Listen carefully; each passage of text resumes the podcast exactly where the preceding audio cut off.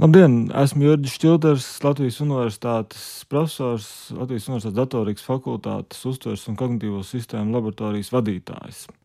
Vai tu zini, ka cilvēka oža, salīdzinājumā ar citām maņām, ir visciešāk saistīta ar emocijām? Ilgus gadus pētniecībā dominējošais uzskats bija tāds, ka oža ir cilvēka maņa, kas ir salīdzinoši neprecīza, nebūtiska un arī neattīstīta, ja mēs salīdzinām ar citiem dzīviem radījumiem, citiem dzīvītāju dzīvniekiem. Nu, lielā mērā šis viedoklis bija saistīts ar 19. gadsimta neirozinātniekiem, arī ar savulaik filozofiem, bet šis viedoklis galīgi nav mūsdienu eksperimentālā zinātnes pamatots. Jo, ja mēs paraugāmies mazliet vairāk nekā 20 gadu laikā, kas ir noticis gan neirozinātnēs, gan arī fizioloģijas pētniecībā, tad mēs redzam, ka dažādas pētnieku grupas diezgan lielu vienprātību ir varējuši demonstrēt, ka cilvēku oža nepavisam nav sliktāka salīdzinājumā ar citu zīdītā dzīvnieku ožu. Tā ir turklāt pārsteidzoši precīza, un cilvēkam piemīt spēja uztvert un izšķirt vairāk nekā triljonu smaržu. Tas nenozīmē, ka šīs triljonu smaržas mēs spējam ietēpt valodā, nepavisam. Bet tas mūsu ožas izšķirtspēja ir ārkārtīgi spēcīga.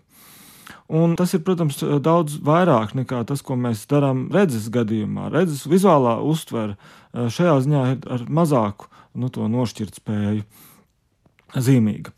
Problēma roža tā, ka mums ir salīdzinoši maz kategorijas, kurās varam ievietot ožas uztvērumus. Mums ir salīdzinoši maz valodisku nosaukumu, kurus mēs varam attiecināt uz mūsu ožas stimuliem.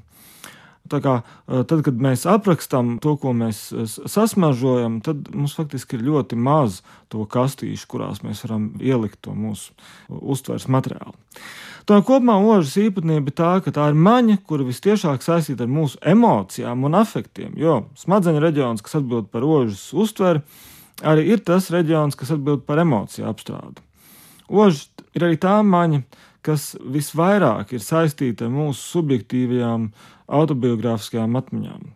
Un ir pat zinātniskajā apritē iegājis termins prustiskās atmiņas, kas ir tās atmiņas, kuras mēs precīzi atceramies pat pēc desmit gadu ilga laika, nu, respektīvi, salīdzinot to notikumu, kurā mēs esam bijuši, tieši to ožas kvalitāšu dēļ. Tātad, Iedomāsimies vecmāmiņas kaltētie āboli rudens vakaros, tās situācija par rudens vakariem un vecmāmiņu mūsos ir ļoti realistiska mūsu atmiņā, tieši tāpēc, ka ir tā ožas komponente tajā ievīta. Un um, interesanti ir tas, ka mums faktiski, ja ir pozitīvas atmiņas, patīkamas atmiņas, tad pat ļoti ilgā perspektīvā viņas neizbala, ja ir kaut kāda ožas komponente šajā te, uh, atmiņas materiālā. Nu, līdz ar to, protams, ka, e, ja kaut kāda iemesla dēļ zaudē, mēs zaudējam mūža spēju, tad būtiski mazinās dzīves kvalitāte. Un tas ir izskaidrojams mm, ar minēto ožas e, emociju sasaisti. Tātad, zudot ožai, zūd arī emociju regulācijas nianses. Un tas izskaidro to, nu, salīdzinoši lielo īpatsvaru cilvēku, kuriem pēc Covid-19 ir, eh, ir, ir, ir ožas traucējumi, bet viņiem šiem cilvēkiem arī ļoti bieži ir depresīva rakstura traucējumi. Nu, tātad tas skaidrojums ir ļoti nu, viennozīmīgs, ka tātad uh, oža un depresija ir saslēgts kopā. Es domāju, ožu traucējumi un, un, un depresīvu traucējumi ir tiešā veidā saistīti. Nu, protams, ne visi depresīvu traucējumi saistīti ar ožas funkciju zudumu, bet Tātad, jebkurā gadījumā šī ir e, saite, kas e, vienai konkrētai maņai un, un mūsu emociju regulācijai ļoti spēcīga. Protams, oža arī kritiska komponente garšas uztverē. Zudot ožai, būtiski mazinās arī garšas uztveres nianses, un lietojot pārtiku, izpaliek gandarījums. Un, un tas savukārt arī ļoti bieži ir redzams Covid-19 izslimojušu cilvēku gadījumā, ka tad, nu, nav īsti prieks e, baudīt maltīti, respektīvi nekontrolēti arī mainās svars, visbiežāk pieaug.